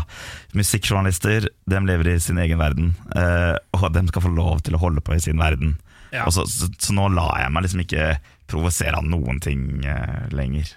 Nei, vi, men jeg tenker altså, Det er jo ikke bare du av ganske sånn folkekjære artister som ikke får hivd femmer og sekser etter deg. Nei. Det er jo ganske vanlig, eh, det fenomenet her. Em, og nå har vi da rett og slett laget en liten quiz til deg. Ja, Hvor vi har så funnet litt slakt uh, Ja. fra ulike anmeldere. Låter de ikke har likt i det hele tatt. Ja. Og så tenker vi at uh, du skal få høre et utdrag fra anmeldelsen, og så et lite klipp av uh, låta eller artisten som de har anmeldt. Yes! Og så må du gjette et artist og terningkast, da. Ja, ja. Er du klar? Jeg er klar. Ok, um, nå I P3 sin anmeldelse av denne låta som vi skal høre nå, uh, så kan man annet lese dette. Gratulerer til XXX for årets hittil verste låt. Om foreldre vil barna sine godt, skrur de forhåpentligvis av dette spetakkelet før låta er omme.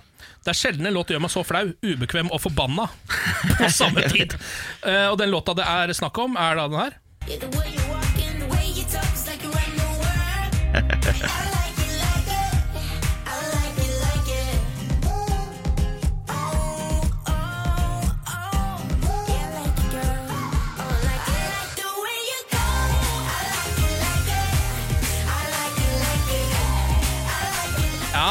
Hvem er det her, Stian? Ja, det er jo Marcus Martinez med I Like It. Det er helt riktig. Det er absolutt Marcus og Martinez. Er det ternekast én, da, eller? Det er også helt riktig. det var P3 som ga det ternekast 1, ja. Ja. Men det er jo helt sånn Samme journalisten sitter jo og tar eh, og oppfordrer foreldra til å høre på narkohyllest bangshot Med eh, bangshot mafaka i neste ordlag og gir i terningkast seks. Ja. Så det er sånn dobbeltmoralisme over hele jævla linja. Oi, unnskyld, nå banna jeg. Det går bra. Ja. Eh, nå skal vi over til en artist som har altså eh, sikkert en eh, milliard streams Ja. rundt omkring i verden.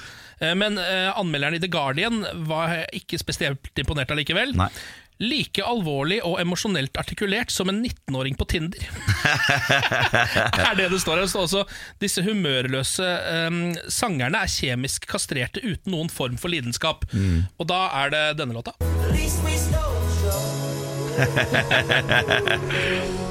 Det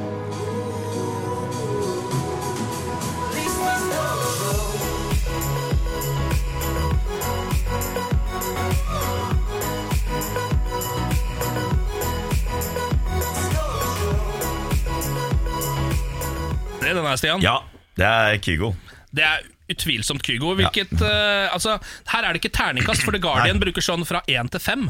Da er det sikkert én stjerne, da. Ja, det er helt riktig. Ja. du, det her er du dritgod på. Ja, ja. Ok, vi tar, vi tar to til. Ja. Eh, her er en ny låt eh, hvor det i anmeldelsen eh, Den er fra 2017, så ble, sto det følgende i anmeldelsen. Forferdelig slappe greier fra en låt med like få høydepunkter som en frakoblet hjerne, hjertemonitor. Den ensformige stemningen er så lite provoserende at det faktisk blir provoserende. Den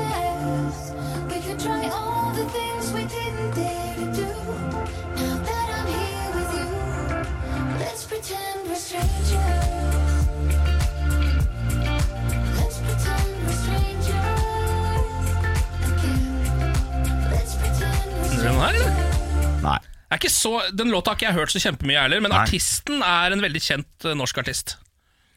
Ja, Er det Sigrid med 'Strangers'? Er det det? Nei. det er ikke det, for hun er jo også en stranger. Det, Ja. det, det, det, ble det litt sånn nettopp det, og de, de to låtene ble gitt ut på samme dag, og det var eh, litt uheldig for denne artisten her, da, fordi Sigrid kom ut med, med Er det- Strangers, som er eh, veldig, veldig, veldig bra. Hva heter hun igjen? Skal vi til Sogn og Fjordane? Ja, er det Nei, det er ikke det. Hva da? Tone Damli? Jo, det er Tone Damli. Det er det, ja. ja, ja. Det er Tone Damli. Hvilket ternekast tror du hun fikk for denne låta? Som altså også var, hadde like få høydepunkter som en frakoblet hjertemonitor, ifølge ja, da, da er det vel sikkert fort en ener, det òg, da. Ja, faktisk en Ja, toer. det denne er toer, ja. ja, Toer riktig. Ja. Ok, En eh, aller siste en. Um, her står det altså da En um, fersk låt fra denne artisten er litt som når det åpner en ny burgersjappe i Oslo. Hvorfor trenger vi så mange når de er så like? Ja. Og så er det da uh, den låta her.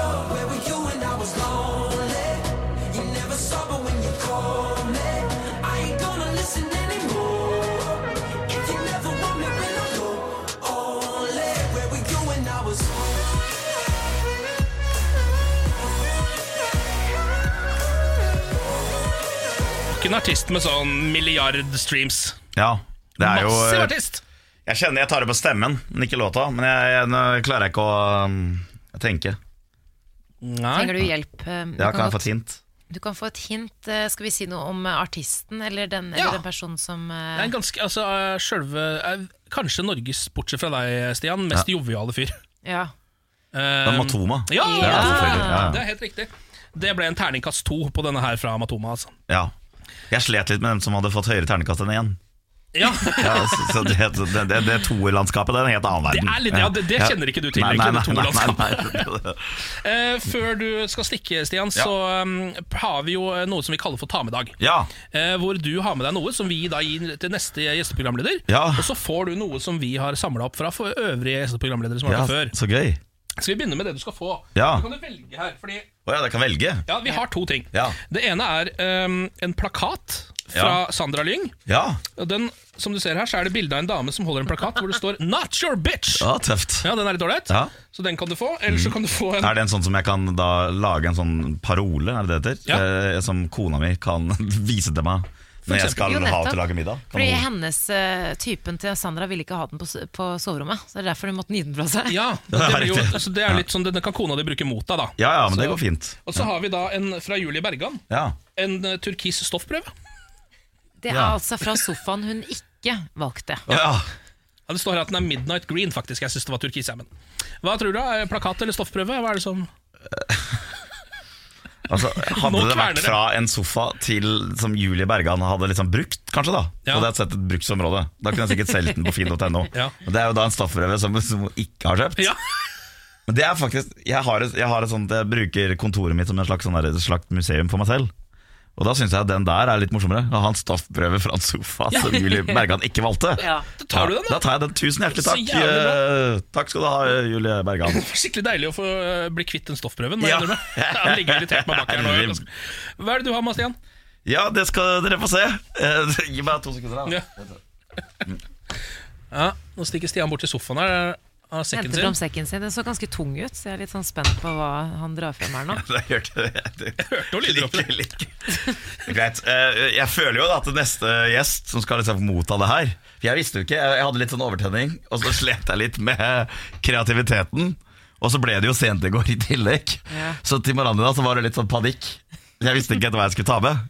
Så jeg, jeg, jeg prøvde, da. Dere kan jo Hva er det du har tatt Jo, på dere kan jo da gjette sånn underveis her hva som har skjedd. Er det Ja, for her kommer jo Coffee brewer. Sånn, du kan helle på kokende vann, så får du kaffe. Ja, Den har en liten tut. Den har en tut. Det er slags instant coffee. Ja. Og så har vi hvitvin. Litt av hvitvin. Åh, er ikke det rødvin, der? Jo, det er kanskje det. Ja. Og så har vi Honest Organic Å, den, Ice Tea. den, oi, oi, oi, oi. Det er mer her. sånn Faen, så mye du har med! Ja, her er sånn te, sånn der du kan helle på kokende vann. Og så har jeg noe sånn Double India Pale Ale. Eh, har vi med oss. Sånn. Eh, skal, eh, cola. Vanlig glasscola. Hvor mye er det du har med? Ja, det, ja, det var jo litt overtenning her, da. Skal, en Paris. Den på natta. Mm. Vet du, det er ikke slutt ennå. Eh, Jeg har med saltede cashewnøtter. Og så har vi hvitvin. En liten flaske hvitvin. Skal vi se her. Det er helt Men det her er så fint, for det er sånne reisestørrelser.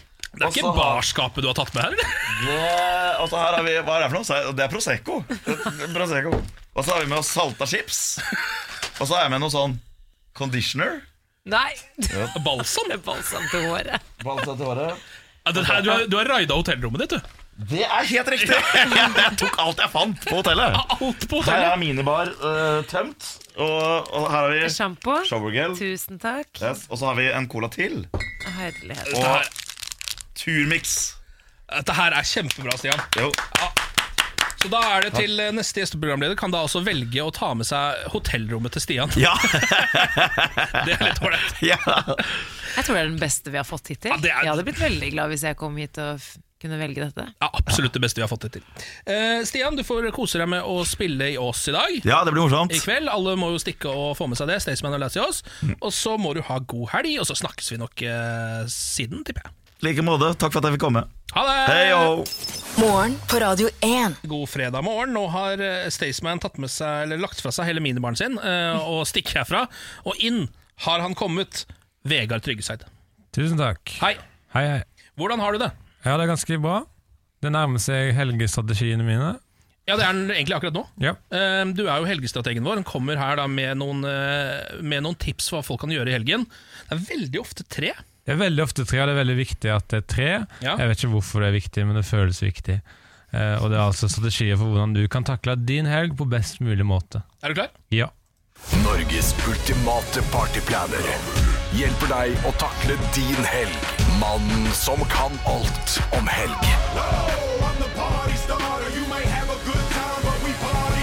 Vi presenterer Vegard Tryggeseids helgestrategier. Helgestrategi 1.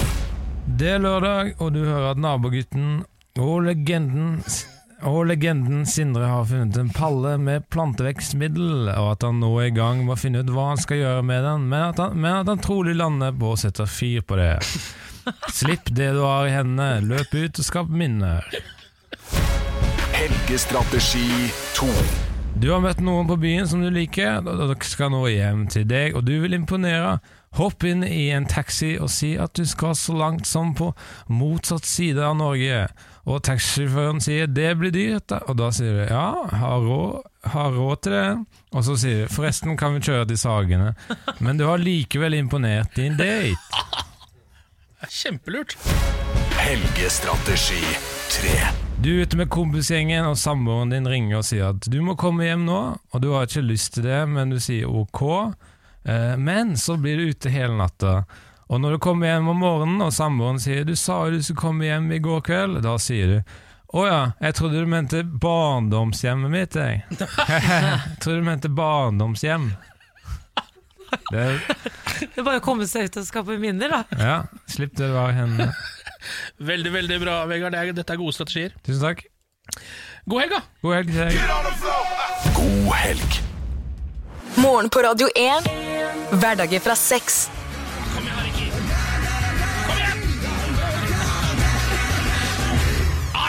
Åh, Ah. så teit, men så gøy. Akkurat det der. Det er så teit, men så gøy. Eh, Jeg synes det er, det er, Man gjør ikke det ofte nok lenger. At man legger på litt sånn stemning som man har skapt på, en måte på slutten av låta. Sånn som du gjør her, så hører du noen som snakker i bakgrunnen. Litt sånn, bare, Det er helt sant. det er ikke så vanlig å gjøre på popmusikk lenger. Du er sånn den sinte naboen. «Ja!» Du alltid hører sånn i, i nabogården. Ja, men Hørte du ikke det var sånn skråling under der? ikke sant? Og jeg ble sittende og se på Truls Alle Hellstrøm her på, for en forleden kveld. eh, og da eh, Hellstrøm skulle, skulle rappe, og skulle legge på altså, egen eh, beat sånn der, Så han hadde et ra- rap-vers som gikk der, og så var det sånn Fucking Paris, yeah! Yeah! Det var veldig gøy, og det var akkurat sånn jeg følte at du også gjorde nå, så kanskje du skal gi ut albumet med Hellstrøm. Så du sammenligner meg med, med Hellstrøm når det kommer til hipphet og hiphopness? Altså, du er litt mer, litt mer hipp, det er ja, du, men akkurat måten du var sånn Come on now, Ricky! Eh, ble litt eh, den, Du tapte litt hipp-poeng på den. Ja, takk for det. takk for det Du er jo vår eh, utegående reporter, Pernille. Velkommen på jobb, forresten. Takk skal du ha. Vår folkets fitbit, folkets røst, som er der ute og tar pulsen på hva folk mener om ting og tang. Gjerne ting som vi enten trenger hjelp med, eller har diskutert allerede i studio. Yes. Um, og nå er det jo straks halloween. Halloween er jo en eh, dag, det stemmer. Det er en dag. Der folk ofte kler seg ut. Og vi er jo kanskje ikke de største halloween... eh, Eller vi er ikke de som på en måte har kjøpt eh, kostyme mange uker i forveien. Snakk for deg selv. Så når vi på onsdag skal åpne noen dører, eller tenk hvis det kommer noen på døra, gud forby i helga f.eks., da må vi jo kaste på oss noe vi har hjemme, da. Ja. Så jeg har spurt folk om tips til kle seg ut med ting man har hjemme. Jeg tror jeg hadde gått for sånn minion, fordi jeg har en gul genser og jeg har sånn en snekkerbukse. Et laken funker jo alltid da, som et spøkelse. Um, jeg har for eksempel brukt en laken, laget to huller, så bare har vært en spøkelse. Nei, Det er jo bare å ta et laken, da, så bare spøkelse, egentlig. Jeg har ikke så mye utkledningsklær, så Nei, jeg tenker eh, kanskje et skjelett, kanskje et spøkelse. Eller bare få på seg noe fint, da, egentlig. Få på seg noe fint, så man skal pynte seg på halloween. Det er jo mange som gjør det, da, for å gå ut på byen og for å få seg noe. egentlig. 80-talls kanskje, altså, eller sprute på noe blod på en kjole, eller Ja, men altså, Det jeg har hjemme, er liksom sånn der, eh, doktorutstyr, liksom. Eller sånn sykepleierutstyr. Jeg er sykepleier. Og så kan jeg bare ta litt blod på det, så blir det blir litt skummelt av da. Eller det blir ikke skummelt, da, men sånn. Skomaker. Hvordan er man en skomaker? Man tar på seg noen sånne gamle, litt slitne, men fine filler, eller sånn. Jeg er litt usikker på om jeg syns skomaker er skummelt nok for så kan det jo Det kan jo også veldig fort på en måte eh, fa- Altså Man kan anta at det, Å ja, er du uteligger, for eksempel? Ja, Eh, har du det litt tøft, typ? Det kan jo, de kan jo på en måte gå litt i hverandre, men hvis man har på seg gamle filler og bærer på sko og en pussefille, så kanskje det kunne vært noe. Mitt favorittips var Minion, for de er så utrolig søte. Tenk så gøy du hadde vært som Minion nå. Jeg vet det, Kanskje jeg kan tegne en Minion på magen, på gravidmagen? Kjempeidé! Ja, takk. Eller en avokado, eller en, en pumpkin, altså et gresskar. Du kan Så man kan gjøre med den bolla her. Og så har du sett de som har sånne gravide mager, og som du tar sånne dokker som de limer på, så det ser ut som dokkene Ja. stikker ut av magen? Det kan du også gjøre. Den syns jeg liksom er litt morbid, og jeg er ikke så fisefjell. Altså. Nei, Det er en sånn baby som stikker, så er det en hånd som stikker ut Ja. av, av magen. Ja. Med masse blod og sånn. Så bare, men Det hadde vært så karakterbrist for deg å tatt det kostymet, men det hadde vært veldig gøy for alle oss andre. Ja. Nei, det blir ikke det. Altså. Men du, eh, Pernille, vanligvis så vil vi jo gjerne høre litt helgetips nå, nå som det er, eller hva folk har gjort i helgen, for å kanskje få litt helgetips og sånn. Men jeg har funnet ut at helg, det klarer vi. Vi klarer å kose oss. Så det jeg egentlig lurer på er at eh, når mandagen kommer, så vil man gjerne ha litt tips til hvordan man kan få en god start på uka. Jeg syns det er bedre. Ja, men der kan jeg faktisk være enig, Fordi da ser man framover istedenfor Ja. å være sånn eh, Helgen har, er over, vi har nailet den, det har ikke vi som sitter her. Nei, ikke sant? Det er litt Det blir dumt. dumt. Ja, enig, ok. Ja, kjør på Så best mulig uke. Ja, takk. Morgen på Radio 1. Eh, nå har jeg en sak her borte som ehm, Som er komisk, men det er også noe kritikkverdig inni her. Brev brukte 26 dager på 400 meter, heter saken. Nei. jo. Um, Øyvind Ødegård kan se kunden som skulle ha rekninga fra kontoret sitt. Likevel tok det nesten fire veker før rekninga kom fram. Og så står det her Dette er ikke ak akseptabelt. Jeg har stor forståing for at feil kan skje, men at det skal ta 26 dager å levere tilbake et brev, er ikke greit, mener Ødegård. Um, det som har skjedd her, er jo rett og slett at eh, han skal sende en eh, regning til, rett borti gata. Og så istedenfor å bare gå og levere posten selv, så har han tenkt at dette her er jo det um, postbud er til for. Jeg lar dem ta denne støyten, det er jobben deres. Um, så han prøvde å sende det bort, og så har det altså tatt bare helt sånn uhorvelig lang tid. Og jeg ser det, det er bilde av brevet hans her. Og det er sånn, du vet når, når man får et brev som bare ser ut som uh, eller, Det ser nesten ut som Picasso har vært og kludra med det. Altså, det er så mye sånne stamps. Retur, retur. Masse gule lapper. Er det, kjenner du denne mannen? Hvem er det som bor her? Altså, det er bare sånn, du ser bare rør, liksom. Ja. Sånn er det her eh, brevet her ser ut, da. Nå er det Posten som har uh... Ja, uh, det, er jo, altså, det er jo Posten som, som har fucka det opp. Um, men det er også altså, ikke bare deres skyld, for det står her at uh, den ene eiendommen ble da flytta over fra en gate til en annen, uten at noen hadde liksom egentlig registrert det ordentlig. Så det er noe rør inni her også. Eh, Men som, eh, som pressesjef i Posten, Jon Eckhoff, sier, han kjenner ikke til den aktuelle saken, vil han si, men han syns at 26 dager høres i overkant lenge ut Ja. for et brev som skal rett bort i gata. Så han sier men brevets Vegard er uransakelige, og i dette tilfellet er det ikke mulig å spåre opp hva som har skjedd. Det kan være et utall forklaringer, sier han. Men der ser du, altså, sånn, Posten lever, men det er, det er noe med det at når det skal fysisk fra et sted til et annet Ja. Der ser du hva slags problemer det blir. Sånn digitale ting. Det er, eh, jeg ser jo verdien i å ha elektroniske brev. Absolutt. Ser jo det. Absolutt. Men det er jo Eh, litt sjarmerende òg, da. Det er, litt, det er jo noe old school med det, men så er det Jeg syns det er litt uh... Du får jo ikke post lenger, du. Nei, jeg gjør ikke det. Jeg får alt uh, elektronisk, jeg nå. Så å si. Moderne Eh, mann. Ja, bortsett fra reklame, da. Som Ja. jo jeg får masse av. Det er helt grusomt. Nei, men det er, jeg synes det er um, det er, noe, det er noe komisk ved hvor lang tid ting tok før. Morgen på Radio 1. Podkast er herved over. Jeg Nei, gjentar på engelsk. På Ja, på engelsk, engelsk, takk. ja. Dun, dun, dun, dun. The podcast is hereby over.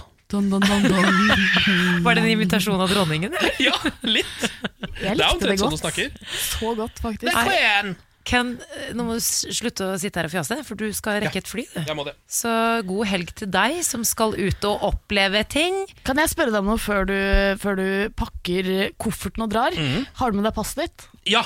Ja, det, fordi Hvis ikke så måtte du dratt nå. ja, jeg vet det. Jeg har, jeg har pass i rumpetaska. Det er veldig bra. Er veldig Ja, bra. du har rumpetaske. Jeg, Mm. jeg, jeg kjenner at jeg blir sånn herre Ken skal ut og reise alene. Jeg liker ikke helt det. jeg. For dere- skal du reise alene? Jeg er litt bekymra. Jeg skal reise alene et stykke, i hvert fall. Og jeg mø skal møte noen i Manchester, da. Men selve reisen dit må jeg ta helt på egen hånd. Oi, For ja. dere eh, også helt noia eh, når dere skal gjennom passkontroll? Nei, det pleier å Jeg har aldri blitt stoppa. Det har aldri tatt lang tid for meg. Det, Ikke for meg heller, men jeg bare får sånn derre Jeg blir sånn Kanskje jeg egentlig er adoptert fra et land som er på X-lista. Du må Ja. ta en pause uh, fra deg sjæl av og til, Pernille. Ja.